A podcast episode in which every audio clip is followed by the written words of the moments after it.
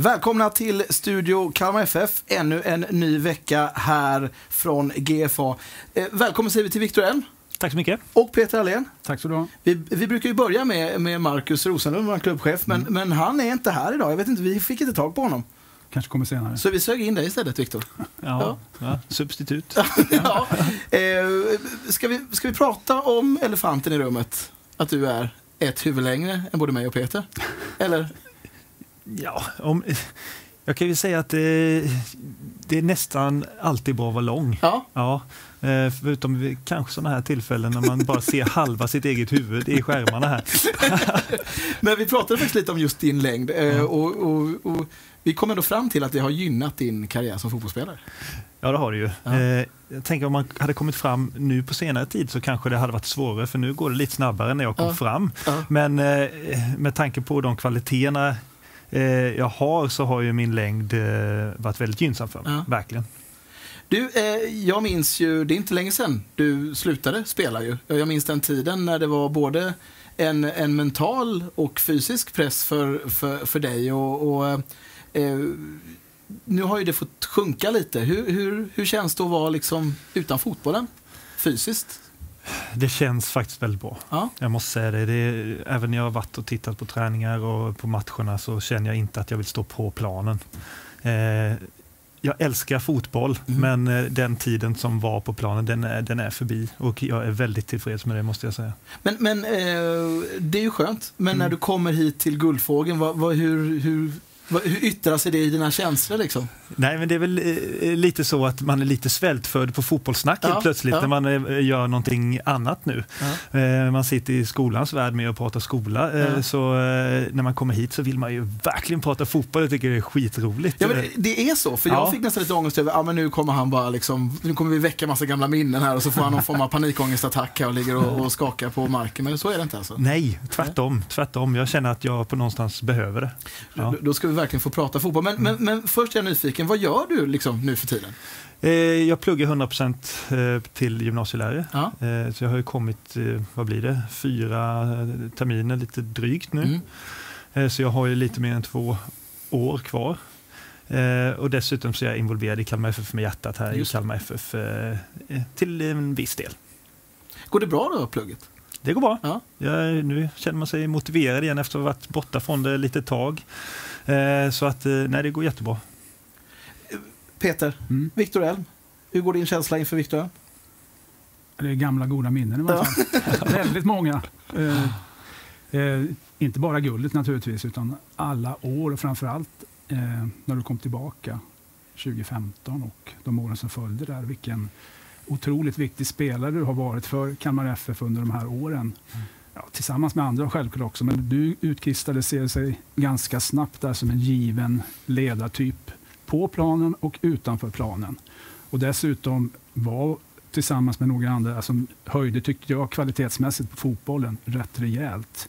Ni hade ju några fina perioder, framförallt jag tänker på 2016, den hösten där. Mm. Eh, när det var ett gäng som drev det där på planen tyckte jag på ett alldeles fantastiskt sätt. Mm. Och Sen tycker jag kanske det är lite tråkigt att du inte själv fick hundraprocentigt bestämma kanske fullt ut att du skulle sluta. Att det, det är någonting som gör att du tvingas, du kanske hade slutat ändå, vad vet jag, men om, hade motivationen funnits kvar om du inte har gått, fått det här knäproblemet till exempel? Det är svårt att säga. Nu har jag mm. levt med det, det är ju inte förra året bara, utan det är Nej. året innan också.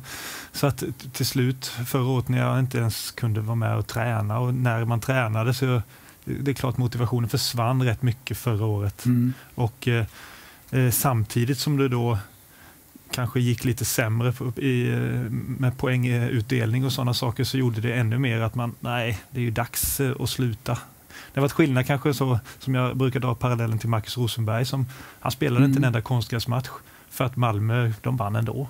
Hade man spelat i Malmö kanske man hade kunnat stå över vissa matcher och kunnat hålla på lite ja. längre.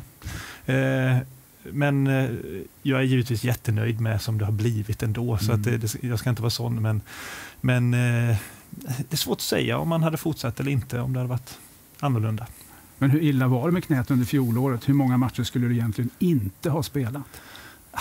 jag märkte ju där på våren att när det var rätt tätt efter coronauppehållet mm. och det här att eh, till exempel hade vi, jag tror vi hade Häcken, Östersund, Göteborg väldigt tätt. Mm.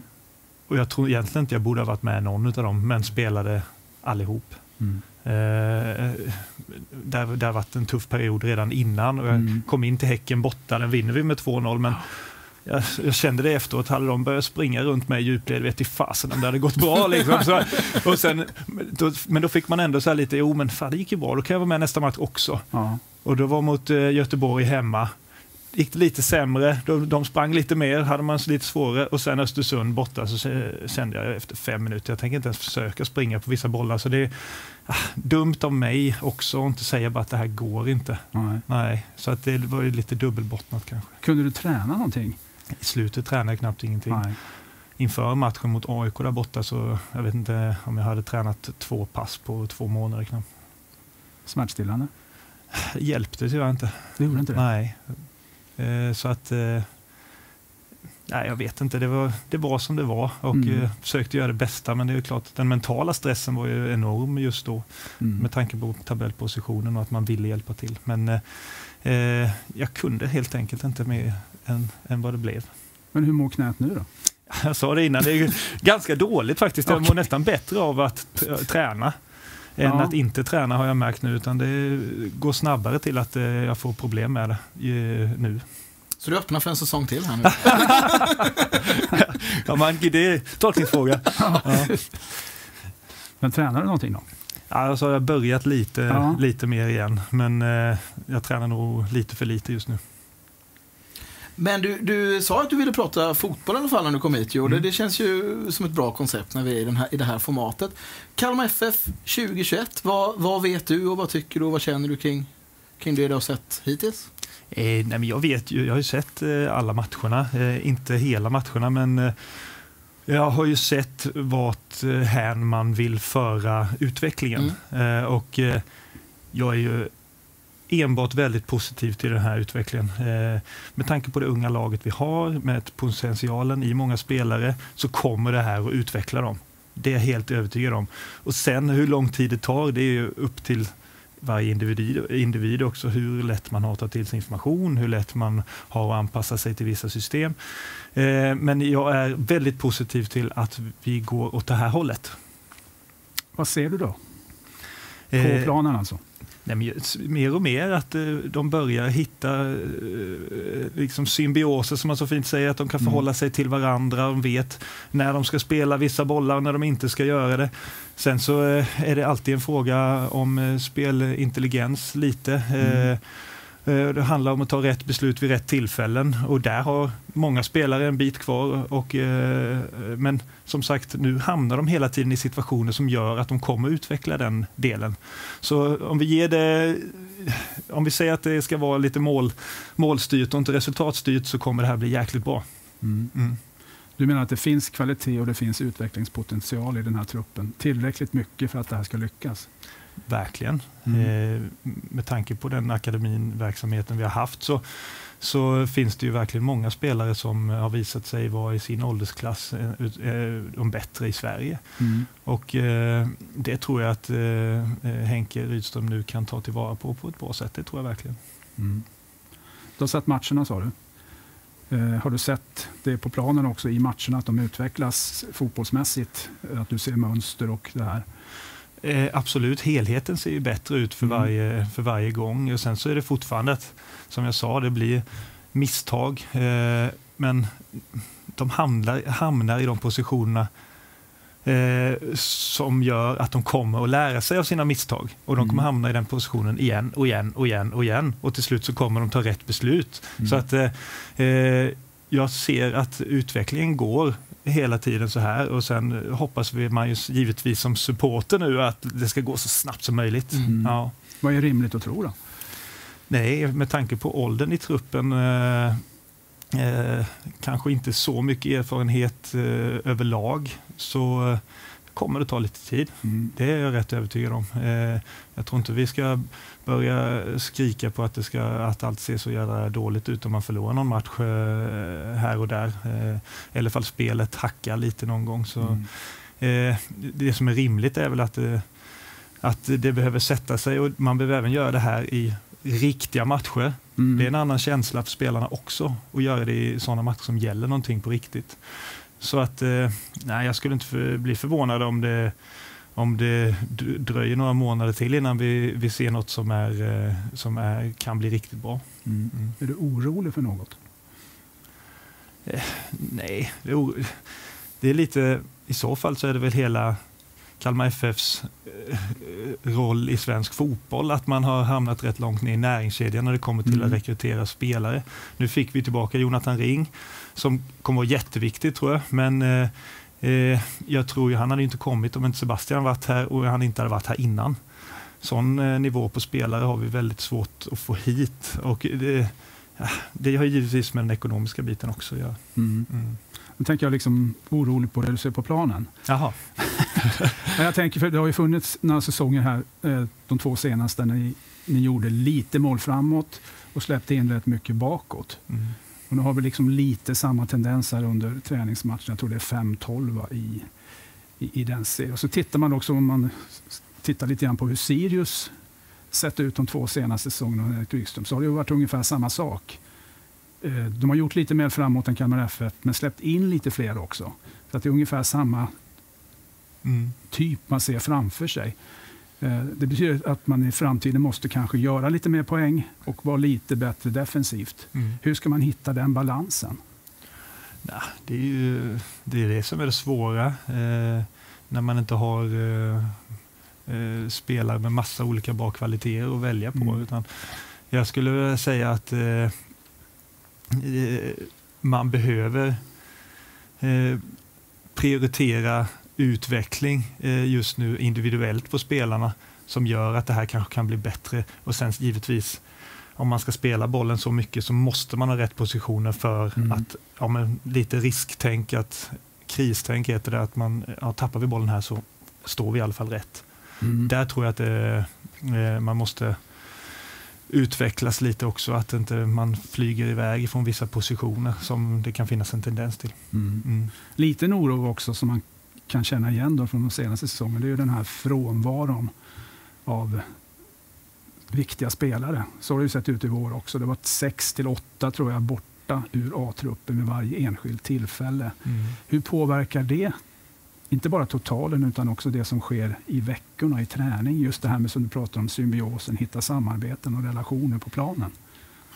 Jo, men det, det har väl visat sig var man än tittar och statistik som har förts att ju mindre skadefrånvaro som finns desto bättre presterar laget. Så det, det är ju jätteviktigt att alla håller sig friska och det är ju samtidigt som det är tränarnas eh, eh ansvar så är det även ett individuellt ansvar att, att ta. Mm. När det gäller kravställan på, på spelare, för det är någonting som har pratats mycket om i, i studion här, just den individuella utvecklingen. Upplever du att man har rätt kravställan på spelarna utifrån ut, eh, liksom ditt perspektiv som spelare förra året? Eller kan man sätta mer krav på spelarna för utveckling? Ja, förra året hade man kunnat göra det. Och så mm. jag tycker Eh, sen vet jag att Henke är rätt bra på att ställa krav. Eh, eh, och jag vet att eh, Rasmus är bra på att ställa krav. Så att, eh, jag tror inte det är några problem så. Eh, men jag tror att ibland så är, har unga spelare en tendens nu för tiden att matas med massa positivt om hur bra de är. Mm. också, det är inte bara att sociala medier matar dem med negativa saker, utan de mm. matas med och fasen, du gjorde ett skitbra inhopp, du borde spela, liksom, mm. även att det kanske mm. inte är så bra. Mm. Så jag tror, många, jag tror många unga spelare har en lite skev själv, självbild. Och därav så är det svårt att ta till sig kritik ibland, Just eller ta det. till sig att mm. jo, men du borde, måste faktiskt bli bättre på det här för mm. att du, du, ska få vara med och spela eller för att du ska kunna ta ett steg till. Eh, så jag tror att spelarna själva behöver, med hjälp av dem kanske man litar mycket på och de man tycker om, väldigt objektivt eh, liksom titta på sig själv för att det ska kunna ske en, en utveckling. Du, eh, du har ju haft ett fantastiskt eh, engagemang i Kalmar FF med hjärtat. Eh, men bortsett från det, skulle du kunna, när tiden har gått lite, skulle du kunna öppna för att komma tillbaka som en ledare i Kalmar FF? Eh, ja, absolut. Eh, jag känner att jag har mycket att ge. Men eh, just nu så vill jag prioritera att vara med min familj på helgerna och sånt som jag inte har varit i hela mitt liv. Så att vi får se när jag känner mig redo för det i så fall. Och Dina bröder gick ju rakt in i, i verksamheter ju. Vad sa du nu? David är ju tränare nu för IFK Berga och mm. Rasmus är här ute med, med fotbollen. Mm. Hur, hur snackar ni fotboll nu? Ja, vi snackar ju, när vi snackar pratar vi väldigt mycket fotboll såklart. Och det är inte så att jag inte tittar, inte tittar på det eller så. Utan sen har man många gemensamma eh, liksom, idéer och tankar om hur fotboll ska spelas. Så vi, vi, man kan ju bolla en hel del med varandra. Eh, och det är ju intressant eh, när David är på en annan nivå nu. Man är ju mm. van vid den nivån som är här lite. Så att ja, det. Det, det. är mycket att prata om alltid. Viktor Stort tack för att du kom hit till Studio Kalmar FF och stort tack för din gärning i, ja, i Kalmar FF. Både nu, då och även i framtiden. Ja, tack, tack, tack, tack så mycket Viktor. Efter pausen ska vi faktiskt ringa upp eh, ingen mindre än Marcus Birro. Eh, vi hörs då. Inslaget presenteras av Ålems Sparbank. Välkomna tillbaka ska ni vara till Studio Kalmar FF. Och med oss på länk och på tråd har vi ingen mindre än eh, Marcus Birro. Det är riktigt. Hej. Ha handelsres handelsresande i Allsvenskan, kan man säga det? Ja, det kan man göra. Det är klockrent beskrivet. Det är en fantastiskt fin, eh, en av mina bättre egenskaper att jag får vara handelsresande i Allsvenskan. Programledare för Studio Allsvenskan och jobbar även grann för eh, Medborg det stämmer. Men du, eh, om vi backar bandet ganska exakt ett år tillbaka så, eh, så är du här i Kalmar och, och eh, hälsar på ju. Eh, och eh, efter det så skriver du en eh, romantiserande text om Kalmar och det är, det är typ det finaste folk har läst här i stan och den får väldigt mycket spridning och uppmärksamhet. Eh, kan, du be, kan du berätta lite om den, om, om den upplevelsen? Ja, stort tack till att börja med. Eh, jag är lite för gammal för att våga tro på att det du säger är helt sant. Men, eh, jag vet inte om den var så romantiserande. Jag tyckte den var sann. Vi var ju i Kalmar i, precis i slut, precis innan pandemin drog igång. Som, som du säger, för lite drygt ett år sedan för, med Studioallsvenskan och gjorde ett besök på Guldfågelarenan en dag. Möttes där med Kalmarbuss och trevliga människor från ledningen i Kalmar som körde oss och som guidade oss och som eh, lät oss träffa spelare och ledare och komma in i omklädningsrum flera gånger. Och vi fick gå ut på plan och vi fick vi fick en otrolig guidning och det brukar vi ju få men det är inte alltid att det är på det innerliga fantastiska sättet som det var när vi var i Kalmar. Vi pratade mycket och länge om det och eftersom någonting som, eh, när någonting rör vid mig och det pågår känslomässigt mycket och länge så behöver jag skriva om det.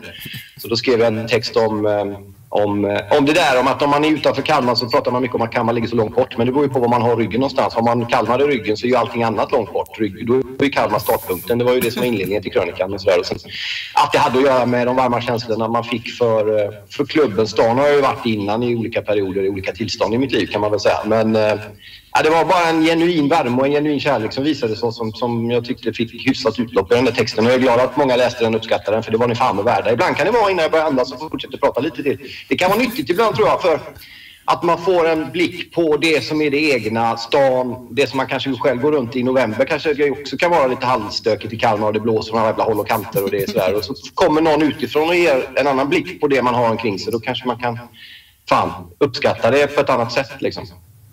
Ja, men helt riktigt. Och det, det, var ju någon slags kombination av också att vi precis hade klarat oss ur eh, en, en skrynklig situation då 20, 2019 och, och eh, hade väl, eh, vi behövde ha det där tror jag. Så att det, vi, vi lyfter på hatten och tackar för det inlägget. Men, men då kommer ju frågan, nu, nu så, så är du i Stockholm, det är där du bor.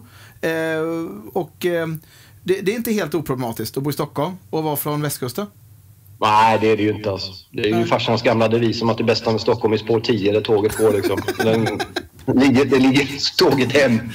Nej, men Stockholm har sina fördelar. Stockholm är en ganska... Ja, det är en komplicerad stad. Det är kanske inte alltid är det mest öppna, innerliga eh, västkustklingande hjärtat. Eh, och jag trivs väl kanske lite bättre på andra ställen och i andra ställen och i andra orter. Rent yrkesmässigt har jag varit på väldigt många andra platser. Och, och så. Men eh, jag hamnade här för tio år sedan ungefär, av olika anledningar och barnen började skola. Då fastnar man. Men eh, när de sen eh, pålarna ska dras ut i jorden så kommer jag ju röra på mig härifrån. Det kan jag ju, så, är, så kommer det bli.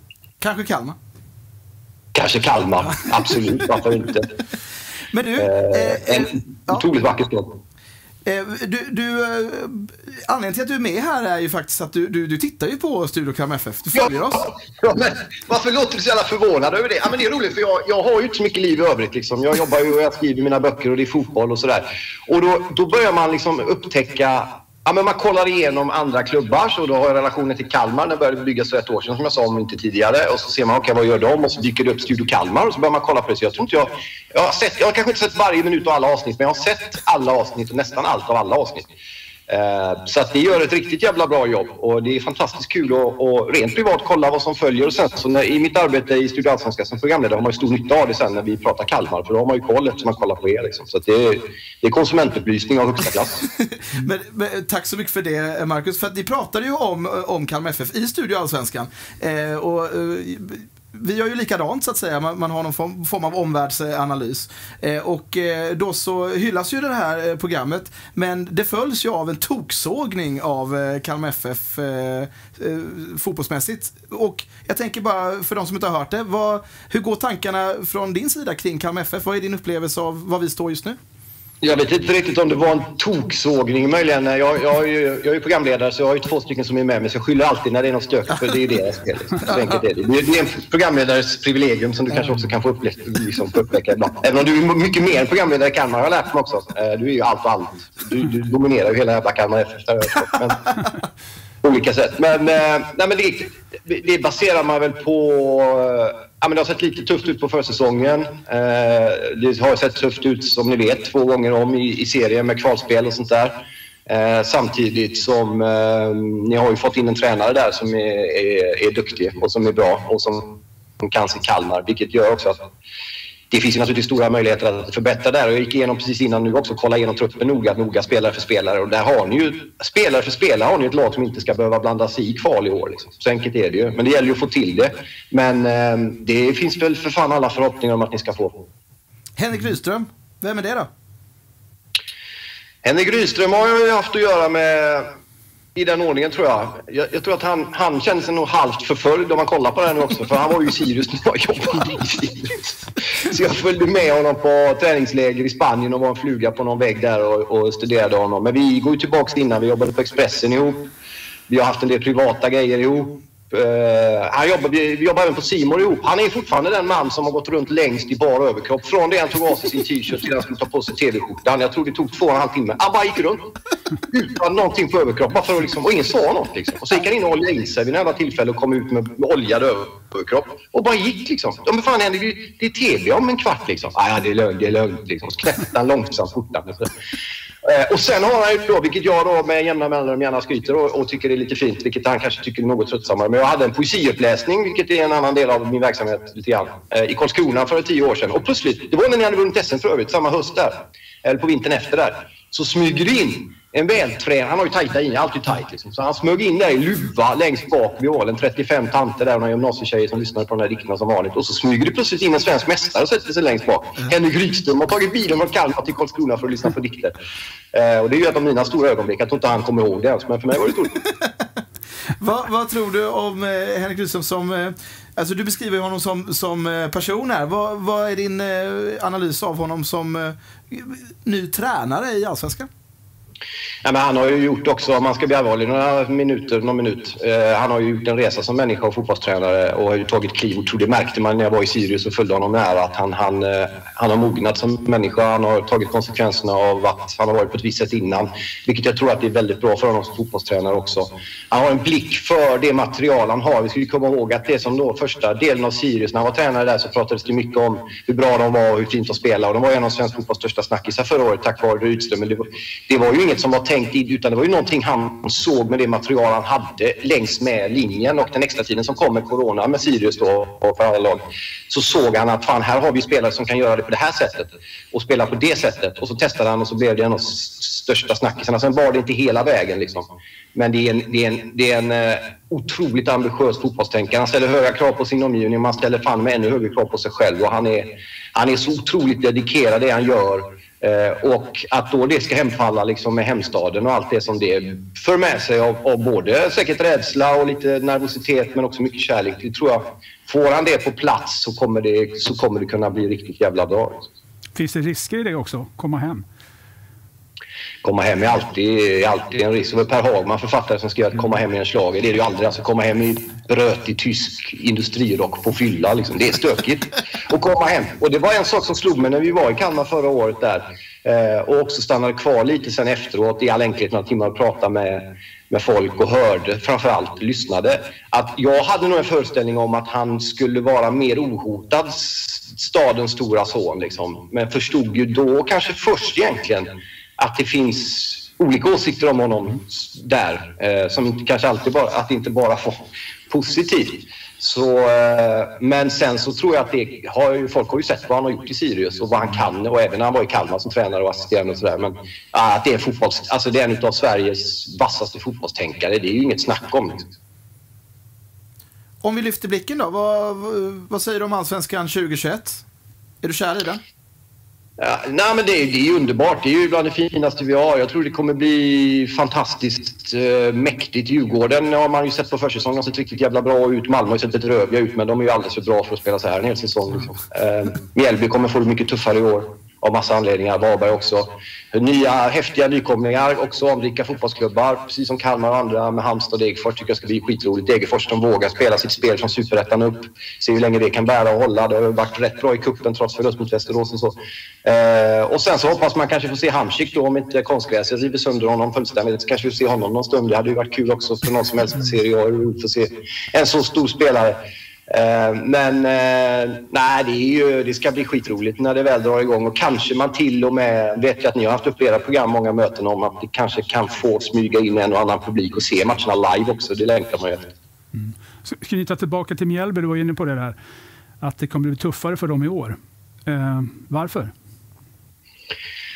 Eh, nej, men de hade mycket som, det var mycket, man kan kolla statistik, det är inte jag någon supervän av. Jag eh, har förtjänster på andra håll möjligen om jag har några, men eh, det går ju att se att de överpresterade, De skapade knappt målchanser innan de gjorde mål. Ogbo gjorde mål fast det inte fanns målchanser och han är inte kvar. Eh, mycket kreativitet har försvunnit. Sen finns det ju en, en, en gruppdynamik i, i, i psykologisk också, att de hade liksom, de slog underifrån, inget att förlora, de kom femma. Det är ingen som kommer liksom garva bort Mjällby för säsongen. De kommer få det tuffare. De har tappat Jesper Lögen i backlinjen som var en av tycker jag, seriens bästa försvarare över hela, över hela säsongen. Sen har de också ett vågspel nu. De har bytt tränare, eller Christian Gärde som assisterande nu huvudtränare, har sagt upp att de behöver spela på ett annat sätt. Eh, det vill säga hålla mer i boll, vara mer konstruktiva, mer konkreta högre upp med försvar och sådär och inte bara chansa på långa bollar och sånt. Och det är vackert och det är fint men det kan ju också bli att man blir straffad för det. Så de kommer få det tuffare. Det har varit en väldigt stor omsättning också har jag sett. In och ja. ut. Och det påverkar ju naturligtvis alltid. Ja, och det är ju inte vad som helst som har gått ut. Det är Sabovic och det är Batanero och det är Ogbo och det är Lövgren. Det är liksom eh, kreativitet, mål och ryggrad bak som är borta och det har man försökt ersätta och det har man väl inte riktigt lyckats med. Men eh, det är också en jävla humla som inte kan flyga. Liksom. Eh, eller också, det är inte ni, men, men Mjällby är ju det. Och det är, det är kul att kunna vara med och skildra en sån Fan, det bor ju knappt inte en människa i Mjällby. Det är inte ens en by i Mjällby. Det är bara massa jävla fiskeläger och skit där liksom. Och, och sandstränder och grejer. Och jävla badhus och sånt. Lite och så har de alla allsvenska lag som kommer femma. Det är galet. Liksom. Det är också allsvenskan. Ja. Men eh, klubben i sig då? Nu har du varit där ett tag och eh, skrivit x antal krönikor om dem. Vad är det, vad är det du märker där i, i Mjällby om du jämför med andra föreningar? Eh, men alltså, en klubb som Mjällby Kalmar har ju mer gemensamt än man kan... Nu vet jag att det finns folk som har varit mycket i Mjällby och också varit i Kalmar. Eh, både spelare och ledare och sånt där. Så det, den, och det ligger ju hyfsat nära. Det är en halvderby nästan. Eh, men det är en, det är en, eh, det är en otroligt eh, engagerad fotbollsklubb. Det är så mycket människor som gör så otroligt mycket utan att ta en spänn betalt för att lyfta bygden, för att lyfta laget och sen också när de gör det känner att de själva vill lyfta Mjällby som någon sorts Listerlandets landslag för de här människorna och de är beredda att gå hur långt som helst för att det ska bli bra. Också väldigt prestigelösa människor, väldigt lite skitnödiga människor. Inte liksom inga vattenkammade sådana akademiker i Uppsala och sånt där som sitter och är så jävla märkvärdiga och svåra i sina tajta kostymer. Utan det är folk i träningsbrallor som går ner stoppar in en prilla och lagar lite mat på en papptallrik och fixar saker. Liksom, får saker gjorda och har ett stort brinnande hjärta för det de älskar, bygden och fotbollen. Och det, det är någon sån här halvromantisk föreställning om den gamla anrika liksom, du vet, den här föreningsmentaliteten mm. som jag tycker är otroligt vacker med Eh, vad, vad, vad, slutar Kalmar tror du då i, i Allsvenskan 2021 då? Om du får tippa. Nej, men jag tippar ju alltid med hjärtat eh, och nu har jag ju då mm, blandat mig in er i mitt hjärta via era sändningar. Det är helt sjukt hur mycket jag har kollat på Studio Kalmar. Jag tror säkert inte det är sant bara för att jag sitter där och är gäst, men det, det är fan mig, jag är ju så nervös. Jag kollar på er jämt. Och sen är ju Henrik där. Och sen har ni ju Eldbröderna där också bakom i kulisserna och lite framför och sådär. Fina spelare och Fröling den jäveln kan väl få vara frisk och fösa in lite mål. Så eh, ja, men tre, fyra placeringar ovanför kvar måste ni klara alltså. Tippa med hjärtat lite. Stort tack eh, Marcus Bero. Vi får anledning av att eh, träffas när allt det här är över. Då får du komma hit och så får du eh, njuta av Kalmar, Kalmar FF, GFA och... Eh, slottet. Och slottet ja, exakt. Ja, det lovar jag. Stort tack för att jag fick vara med. Fan vad stort för mig. Hej då Marcus. Hej. Inslaget presenteras av Ålems Sparbank. Varmt välkomna tillbaka till Studio Kalmar FF och varmt välkommen tillbaka den förlorade sonen, Marcus Rosenlund. Tack. Var var du någonstans? Jag var på Gasten. Ja, du var på Gasten? Ja, ja. vi jobbar lite där. Ja, men vad har du gjort där då? Nej, men vi håller på och uh, installerar vår AI-kamera som ska kunna ge lite djupare innehåll om framförallt vår U17, U19 och U21-spelare. Så man ska kunna följa det hemifrån soffan och kunna ta del av vad som händer och sker där på matcher. Också att även när vi har A-lagsträningar så ska kunna sända A-lagsträningar. Så det höll jag på med och nu var det en elkabel och en, en, en en uppkopplingskabel för kameran som vi höll på och mekade med. Så då var jag där och pillade lite. Men, men eh, vadå, har det gått live? Nej. Nej, nej, eh, vi förbereder för installation nästa vecka. Ja. Nästa vecka ska kameran upp, sen ska den kalibreras och sättas och testköras lite grann. Så jag hoppas, hoppas vi är live om en dryg vecka med det. Vad häftigt! Ja, och hur, kommer det, hur, hur signar man upp för det här? Det vet ni kanske inte än? Jo, ja, men det, alla, våra, alla våra medlemmar och årskort kommer få det här under en viss tid och liksom prova ja. på gratis. Uh, och sen så man, om vi har en match mot uh, Öster, så är vi U21, ja. då kan föräldrarna för Östers lag köpa matchen mot en pay-per-view. Så det kommer finnas alla möjligheter, så vi kommer komma ut med information när den är uppsatt, kalibrerad och klar. Peter, Utan kommentatorer eller? Ja, vi kan lägga på kommentatorer. Det går också? Ja, absolut, mm. så att vem vet, det kanske kommer en förfrågan Peter. Okej, okay. men, men, men hur, eh, hur glädjande nyheter är det här för dig Peter som är fotbollsmissbrukare? ja, vi får väl se vad som händer med mitt liv. Ja. Du får komma massa, massa skärmar bara ja, framför dig. U16 U17 och hela. Nej, men det är jättebra. Mm. Jag tycker det är väldigt, eh, måste vara väldigt kul också för eh, man ska de närmast sörjorna ja. kunna följa sina mm. barn i spel. De har inte kunnat göra nu mm. under pandemin. Så på det sättet är det ju jättebra. Mm. Och Sen tror jag det kan bli en boost också för spelarna själva. Att ja, du vet, få se sig själv spela fotboll. Det kan ju vara en nackdel också i och för sig ibland. Men, men jag tror det är bara positivt. Och det är väl ett, ett nytt steg i utvecklingen igen. Absolut. Att vi kan göra det här på det här sättet i svensk fotboll mm. är ju alldeles underbart. Det, det som är lite kul är ju att uh, den här utrustningen sitter på Ajax uh, hemmaarena och sen blir, uh, kommer den hit då till uh, Gasten. Ja. Det, är liksom, det är lite coolt. Det är riktigt häftigt. Ja. Men det känns liksom lite som att, man pratar gärna om de negativa delarna av den här pandemin, men det känns som att det här är ytterligare en sån här sak som har gjort att saker och ting har gått lite snabbare i utvecklingen. Eh, och jag tänker också på eh, någonting som jag får upp mycket i, i mina flöden är ju webbshoppen mm. tycks vara var, var het. Mm. Nej, men vi, vi hade ju ingen webbshop live förra året, så vi lanserade den i slutet av januari och sen har vi jobbat lite grann med den. Vi kommer vidareutveckla den ännu mer, men eh, så här långt så är eh, försäljningen fantastisk och mm. vi ser att det finns stort behov av att köpa eh, souvenirer och grejer från, med Kalmar FF-loggan på helt enkelt. Mm. Kläder, muggar, termosar, vad det nu kan vara. Så det, det, det faller på riktigt, riktigt bra. Va, va, omsättningsmässigt, vad kan det här innebära tror du? Om du får liksom sikta högt, vad, vad kan webbshoppen eh, omsätta för 2021? Om vi kan vara smarta hur vi liksom någonstans eh, tar vilka saker vi tar in och lyckas med kommunikationen på bra sätt. Ja, kan vi nå en miljon i år kanske? Det är riktigt ja, häftigt. Det... Som ligger då utanför budget. Ja, den är inte ja. med i budgeten, nej. Så det är bonuspengar. Det är, ja, bonuspengar. Vad mm. tänker du Peter när du tänker en miljon? Tänker du spelarmässigt eller? Ja, Ja. kanske en striker. Ja, kanske en striker. Webbshoppen finansierar en striker. eh, men eh, superkul. Så, och bara det är ju en anledning till att stötta KMF. Gå in i webbshoppen och, och, och gå loss lite där.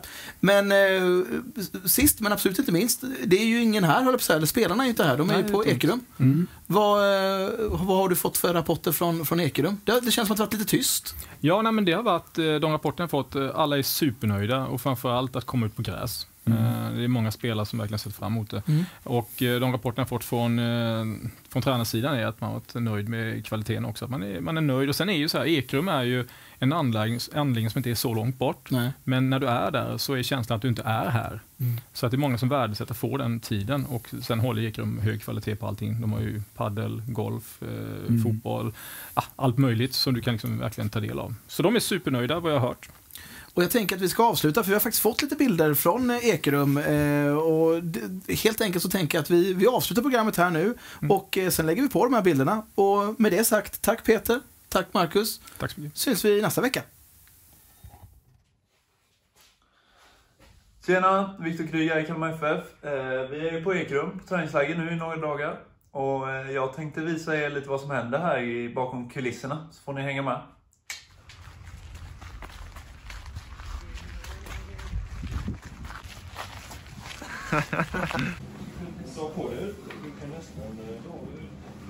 Nisse, Studio Kalmar. Fin ju. Gräsplan i mars. Nej, det är sjukt. Klass Alex, eller hur? Ja. Fotboll ska spelas på gräs. Och sen, vad är det? Du är till Studio Kalmar. Va? På onsdag. Ser lite glad ut här. Lite med...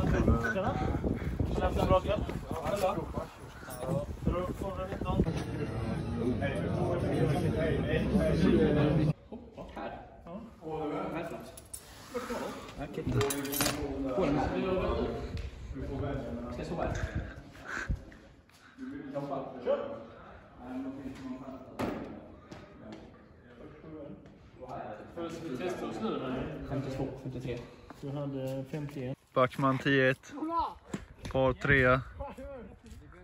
Järnsjua. Smack. Där ja! Vad säger han? Ja, blev i alla fall en 45. Nej, det där får du inte använda. Elias har gått på driven. Tjoff! Kan vara glada.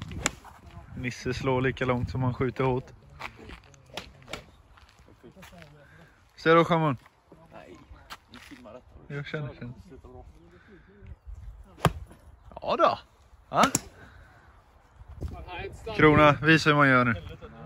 Få se. Han är ödmjuk. Kolla här.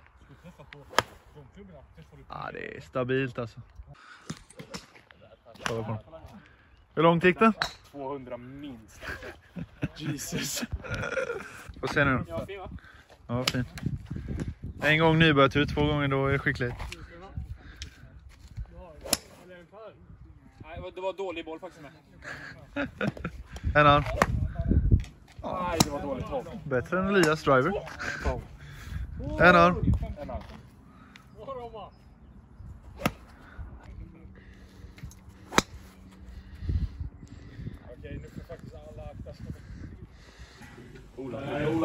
Jag tycker det är dags för lite reklam. Alltså allt är ju bra. Eh,